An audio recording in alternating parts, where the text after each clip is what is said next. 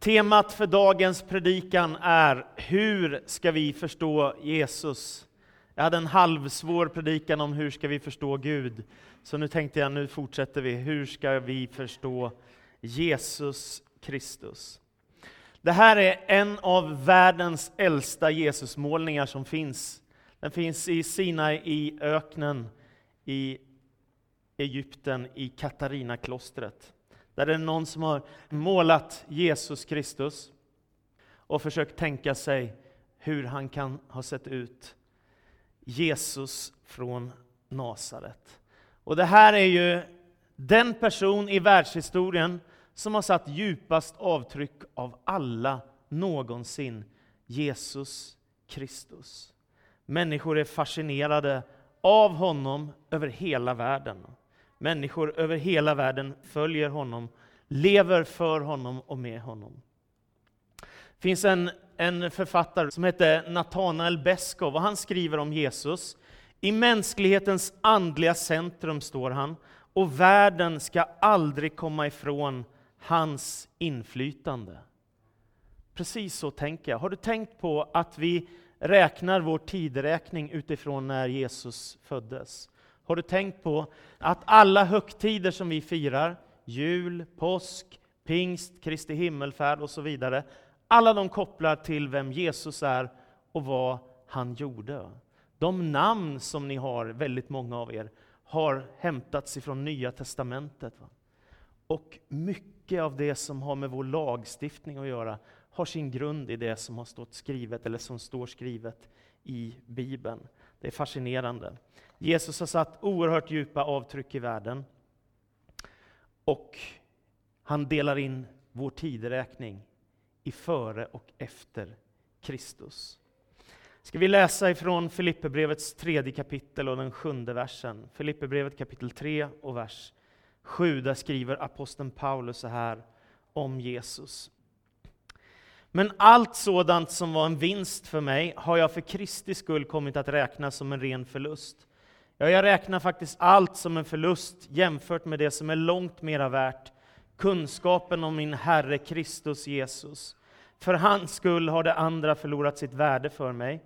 Jag kastar det på sophögen för att vinna Kristus och få leva i honom, inte med den rättfärdighet som lagen ger, utan med den som kommer av tro på Kristus, den rättfärdighet som Gud ger åt den som tror.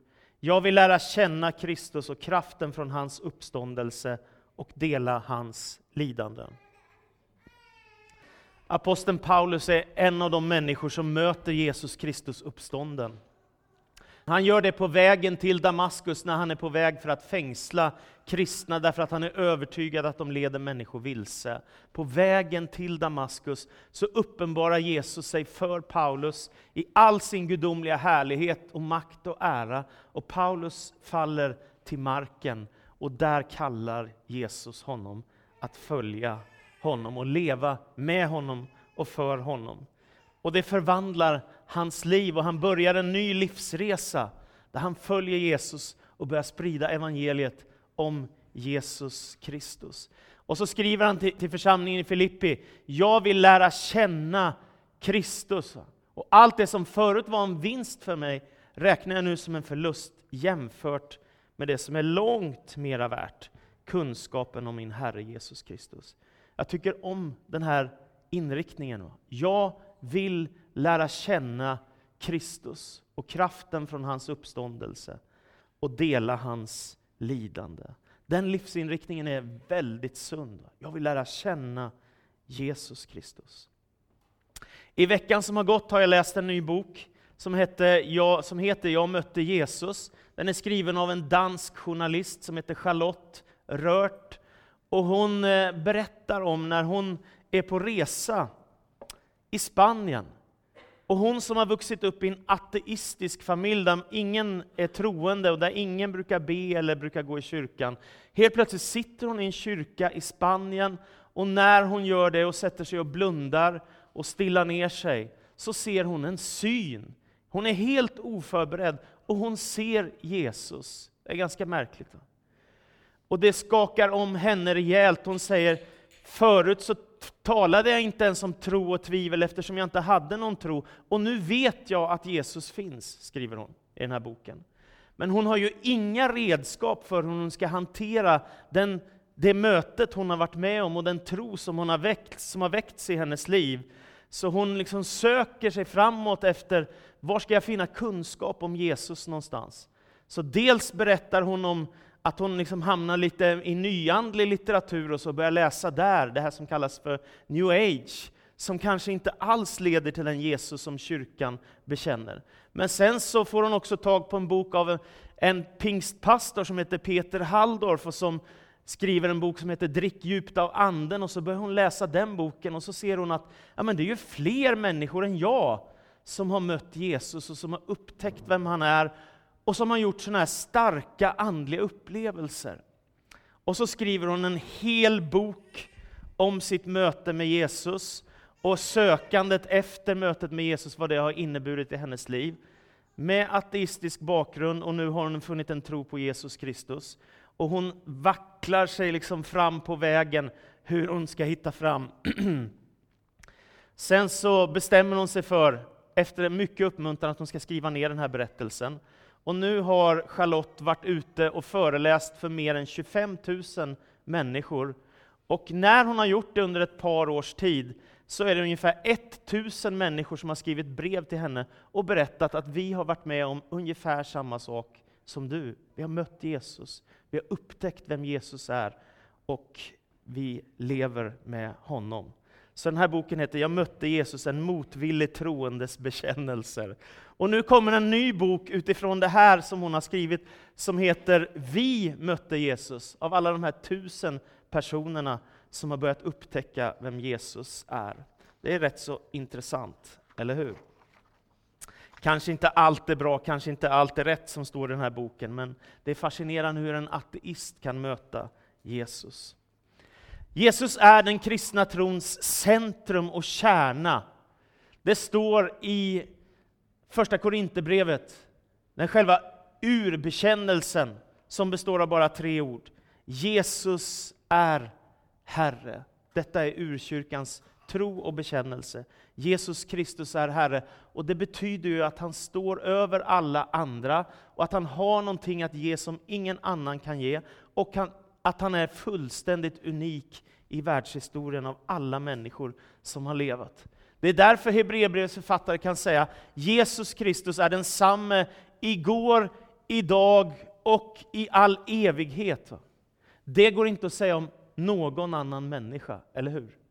Det går inte att säga, det vet du, du som när, om du ser tio år tillbaka i ditt liv, bara titta på dina händer, eller, eller här, eller här, eller var det nu är någonstans du tittar. Vi förändras hela tiden. Jesus Kristus är densamme igår, idag och i all evighet. Och inte bara det, utan Jesus Kristus säger i Nya Testamentet, han existerar i evighet, om du tar nästa bild. En del människor tänker sig att när Jesus föds i Betlehem som Messias, det är där hans liv startar. Men om man läser noggrant i Nya Testamentet så kan man se att Jesus säger, jag är A och O, och det betyder alltså första och sista bokstaven i det grekiska alfabetet som, som Nya Testamentet är skrivet på. Jag är den första och den sista, början och slutet. Så om man tänker på vem är Jesus egentligen? Ja, men då måste man gå tillbaka till den himmelska världen och evighetens värld, långt innan Jesus föds som människa och kommer hit till jorden. Och Det är därför Paulus skriver i Galaterbrevet, när tiden var inne sände Gud sin son, född av kvinna, att stå under lagen. Så det är inte bara så att Jesus dyker upp som en liten bebis och föds lite gulligt i Betlehem, utan enligt Nya Testamentet så existerar han tillsammans med Fadern och Anden i evighet. Och när tiden är inne för att Gud ska rädda världen, då sänder han sin son ifrån himmelen. Och det betyder ju att Jesus Kristus ger ett ansikte på vem Gud är. Vill du veta vem Gud är, så måste du gå till Jesus, för han uppenbarar Gud för oss. Ta nästa. Och sen så står detta, jag vet inte om ni har reflekterat över det här, Men så här står det faktiskt att Jesus finns med i skapelsen. Så här skriver Paulus i Kolosserbrevets första kapitel. Han har räddat oss ur mörkrets välde och fört oss in i sin älskade Sons rike. Och genom Sonen har vi friköpts och fått förlåtelse för våra synder. Han är den osynlige Gudens avbild, den förstfödde i hela skapelsen. Ty i honom, Jesus alltså, skapades allt i himlen och på jorden, synligt och osynligt, troner och herravälden, härskare och makter. Allt är skapat genom honom och till honom. Han finns före allting och allting hålls samman i honom. Är ni med? Och det här gör för mig att det blir så stort att bekänna att Jesus Kristus är Herre. För om det är så att Jesus inte bara föds som ett litet barn av Maria i Betlehem och det är hans början, utan att han existerar tillsammans som Fader, Son och helig Ande existerar tillsammans i evighetens värld. Och så först när tiden är inne så sänder Gud honom till världen för att uppenbara Gud. Och då står det alltså att Jesus är med i själva skapelsen. Och i Johannes evangeliet, jag kommer till det alldeles strax också, så sägs det att Jesus är ordet som blev människa. Och i begynnelsen så står det ju att Gud uttalar sitt maktord och så blir världen till. Alltså talar Gud och sen så är Jesus ordet som gör att världen blir till och sen kommer den helige Ande, svävar över vattnet och så blir universum till. Så om man ser in i vad som finns innan skapelsen så finns Gud Fader, Son och helig Ande. Och då, om man börjar tänka på vad det innebär att lära känna Jesus Kristus, så blir det oerhört stort. Jag har vandrat i Betlehem, har ni gjort det? Det är fantastiskt att komma in i födelsekyrkan i Betlehem, där man tror platsen är ungefär där Jesus kan ha fötts. Va? Och jag har vandrat runt på gatorna i Gamla stan i Jerusalem och sett platserna där här vet vi att Jesus har vandrat. Jag har varit vid tempelmuren i Jerusalem och gått upp på tempelplatsen. Och jag har stått på Olivberget där jag vet att Jesus vandrade när folket ropade Hosianna, Davids son. Jag har varit på de här platserna. Och jag tänker det är fantastiskt att här där jag går, här har Jesus gått. Men sen blir det ännu större om jag tänker på att här har Gud kommit till oss genom sin son och vandrat i den här världen. Det ger mig ett sånt ofattbart hopp. Gud har kommit till oss genom Jesus Kristus. Han har blivit människa och han har vandrat på våra vägar och han har förkunnat kärlekens budskap för oss. Det betyder, om du tar nästa bild, nu kommer vi till Johannes evangeliet, att Jesus är gudomlig. Jesus är mer än en människa. Han är mer än en vishetslärare. Han är större än alla profeter. Han står över alla andra människor. Och så här formulerar evangelisten Johannes sin inledning av evangeliet, Johannes evangeliet. I begynnelsen fanns Ordet, Ordet fanns hos Gud och Ordet var Gud. Det fanns i begynnelsen hos Gud och allt blev till genom det och utan det blev ingenting till av allt som finns till.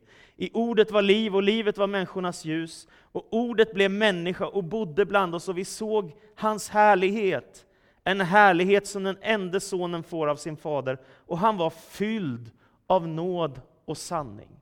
Nu använder Johannes det grekiska ordet logos, som betyder ordet, istället för Jesus. Och det kan man förstå av hela det här sammanhanget. Så egentligen det han säger i den här texten är, i begynnelsen fanns Jesus, och Jesus fanns hos Gud, och Jesus var Gud. Va? Och så vers 14, och Jesus blev människa och bodde bland oss och vi såg hans härlighet som den enda sonen får av sin fader. Det här är enorma perspektiv som öppnar sig. Och Det här gör för mig att den kristna tron är så ofattbart rik, starkare, större än allt annat jag har hört, läst och sett. Det finns inget som går att jämföra med detta att Gud kommer till oss genom Jesus Kristus, Messias. Hur går det då till? Ja, det här brukar vara en liten gullig berättelse som vi läser vid jul, om du tar nästa bild. Då. Men det är otroliga saker som händer. Då. Det är en ängel som kommer till Maria, en ung kvinna. Och så säger ängeln till Maria, den här unga flickan, var inte rädd Maria, du har funnit nåd hos Gud. Du ska bli havande och föda en son, och du ska ge honom namnet Jesus, och han ska bli stor och kallas den högste son. Herren Gud ska ge honom hans fader Davids tron. Var inte rädd Maria, du har funnit nåd hos Gud. Och vad är det som ska hända? Du ska bli havande, och du ska föda en son, och du ska ge honom namnet Jesus. Så hur går det här till då? Ja, det här går till genom ett mirakel. Detta är en jungfrufödsel. Och en del tänker att det är fullständigt dårskap, och jag tänker det är enkelt att tro på om man tror att Gud har skapat hela världen och att han älskar oss, att han också kan göra ett mirakel så att Maria som jungfru kan bli gravid genom den helige Ande. Det är ett mirakel, någonting som Gud gör övernaturligt. Varför gör han det? Därför att det behövs någon som kan befria världen ifrån synden och ondskan.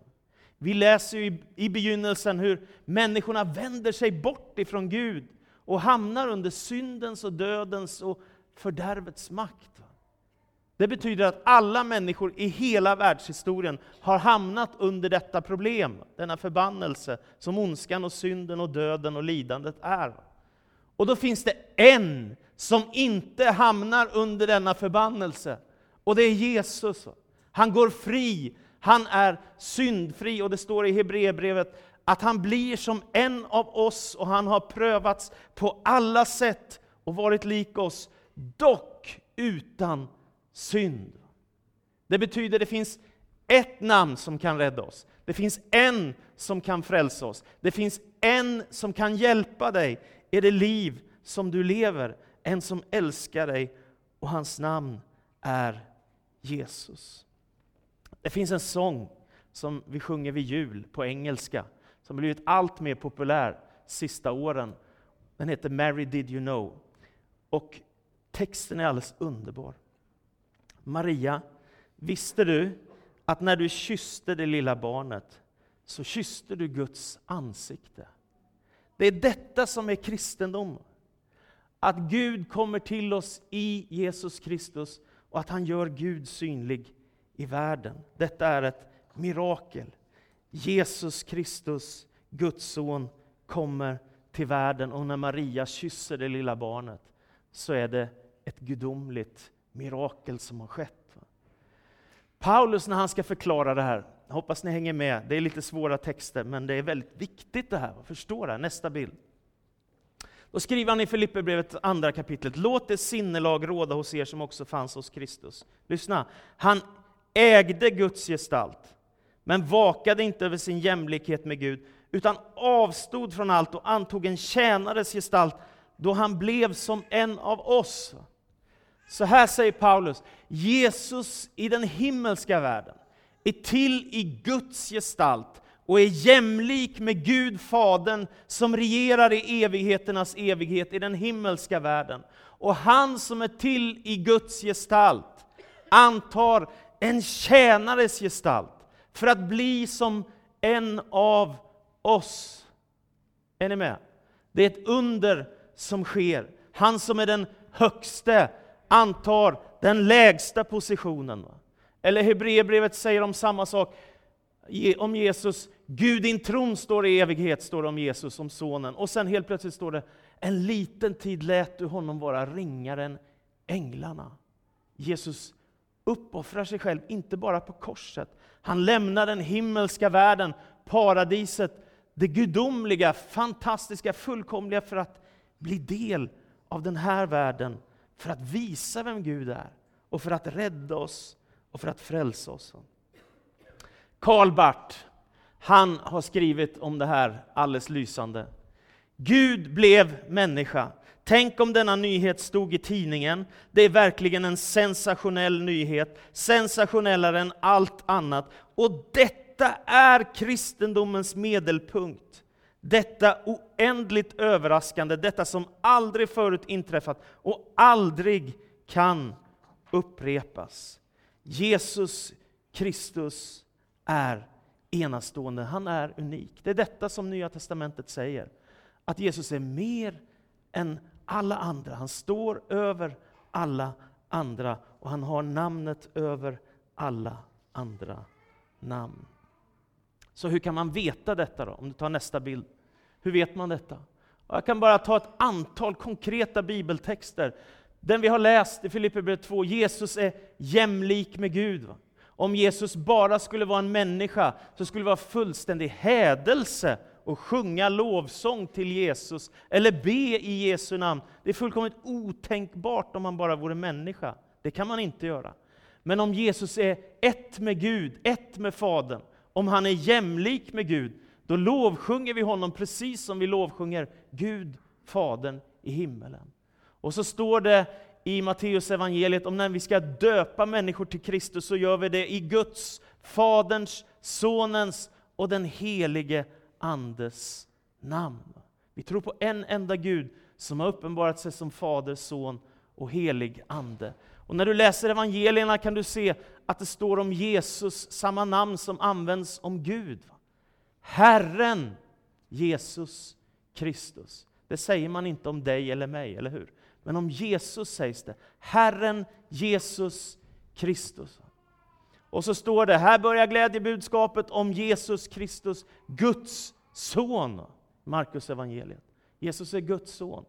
Och i Johannes evangelis första kapitel står det att han, den enda sonen, han har kommit för att göra Gud uppenbar för oss. Va? Själv Gud och alltid nära Fadern. I Filipperbrevets andra kapitel, den elfte versen, så står det att han har namnet över alla andra namn och att han är Herre. Och Jesus säger själv i samband med missionsbefallningen som han ger när han skickar ut lärjungarna att predika evangeliet i hela världen. Mig är given all makt i himlen och på jorden. Gå därför ut. Så att tillhöra Jesus Kristus, det är fantastiskt. Det finns ingen som honom, det har aldrig gjort det och det kommer aldrig att göra det. Men Jesus Kristus är inte bara gudomlig, utan han är också fullt mänsklig. Visserligen är det ett mirakel enligt Nya Testamentet att han föds av jungfrun Maria, ändå föds han av en kvinna. Det står om honom att han är människa, han har en mänsklig natur, han är som vi, människa, helt och fullt. Det står till och med i Lukas evangeliet att han växte upp och utvecklades och mognade som människa. Han levde i ett vanligt judiskt hem med Josef och Maria och sina syskon. Och så står det om Jesus som är Guds son, att han blev trött, han blev hungrig, han blev törstig, han upplevde glädje, sorg, kärlek, ångest. Och till sist så dog han, men på tredje dagen så uppstod han ifrån de döda, därför att Gud i himmelen uppväcker honom och visar sin ofattbara makt. Därför är Jesus sant gudomlig och sant mänsklig. Jag kan inte tänka mig något vackrare än detta. Att få lära känna Kristus, som Paulus skriver, som står över alla andra, men som har ödmjukat sig och blivit precis som en av oss, för att vi ska lära känna Gud och för att vi ska räddas. Det viktigaste av allt då, till sist nu, det är ju detta, att han älskar oss.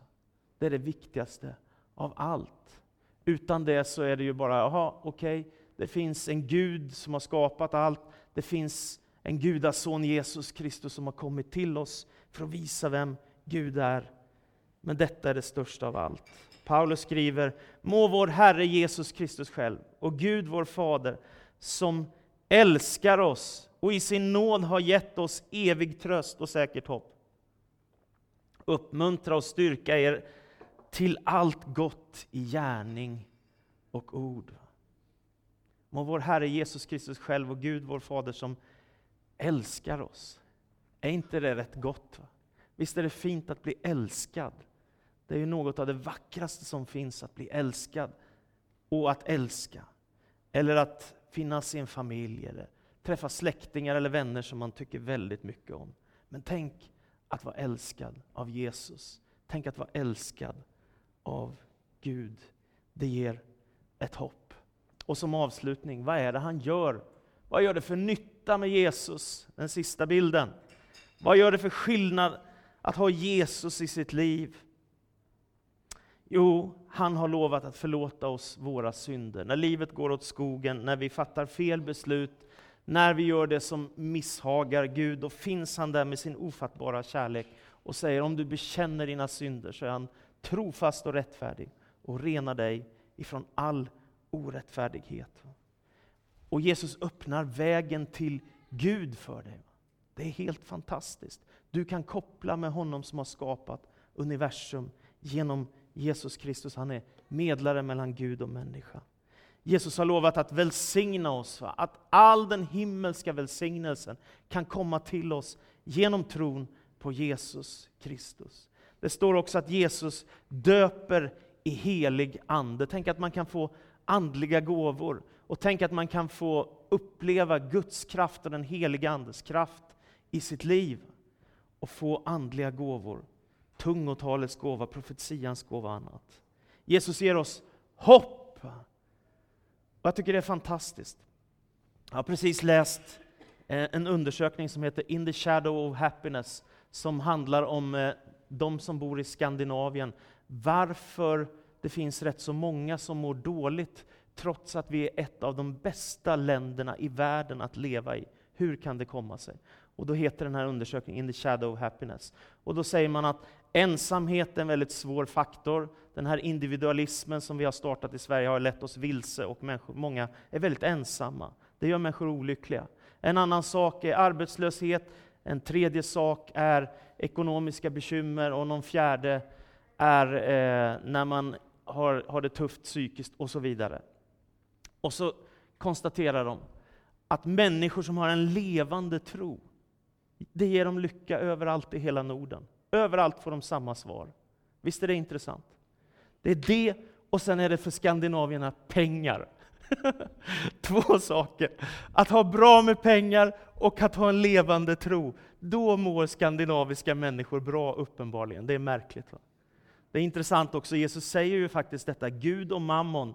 Alltså det finns en frestelse med pengarna, att de tar Guds plats.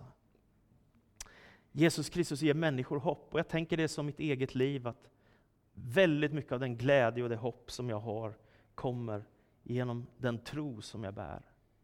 Och sen till sist, han har förberett en evighet för oss. Känn ingen oro, tro på Gud och tro på mig. I min faders hus finns många rum och jag har berett plats för er, för att ni också ska vara där jag är. Hur ska vi förstå Jesus? Ja, typ så här. Och sen väldigt, väldigt mycket mer. Amen. Jesus, jag tackar dig för att du är vägen, du är sanningen och du är livet. För mig är du min klippa, du är min kärlek, min första kärlek. Du är den som bär mig, du är den som leder mig. Du är den som ger mig styrka, du är den som ger mig hopp. Du är den som ger mig glädje, du är den som ger mig mening. Och jag tackar dig för att du också utmanar oss att följa dig. Och inte bara springa genom livet med alla saker vi måste göra. Utan du kallar oss till gemenskap med dig själv. Och därför ber vi, kom och vidrör oss i nattvardsfirandet som vi ska få dela med varandra också. Kom helig Ande, rör vid våra hjärtan, förnya oss i tron, förnya oss i glädjen i dig Herre. Ingen är som du Jesus, det är min tro och det är min bekännelse.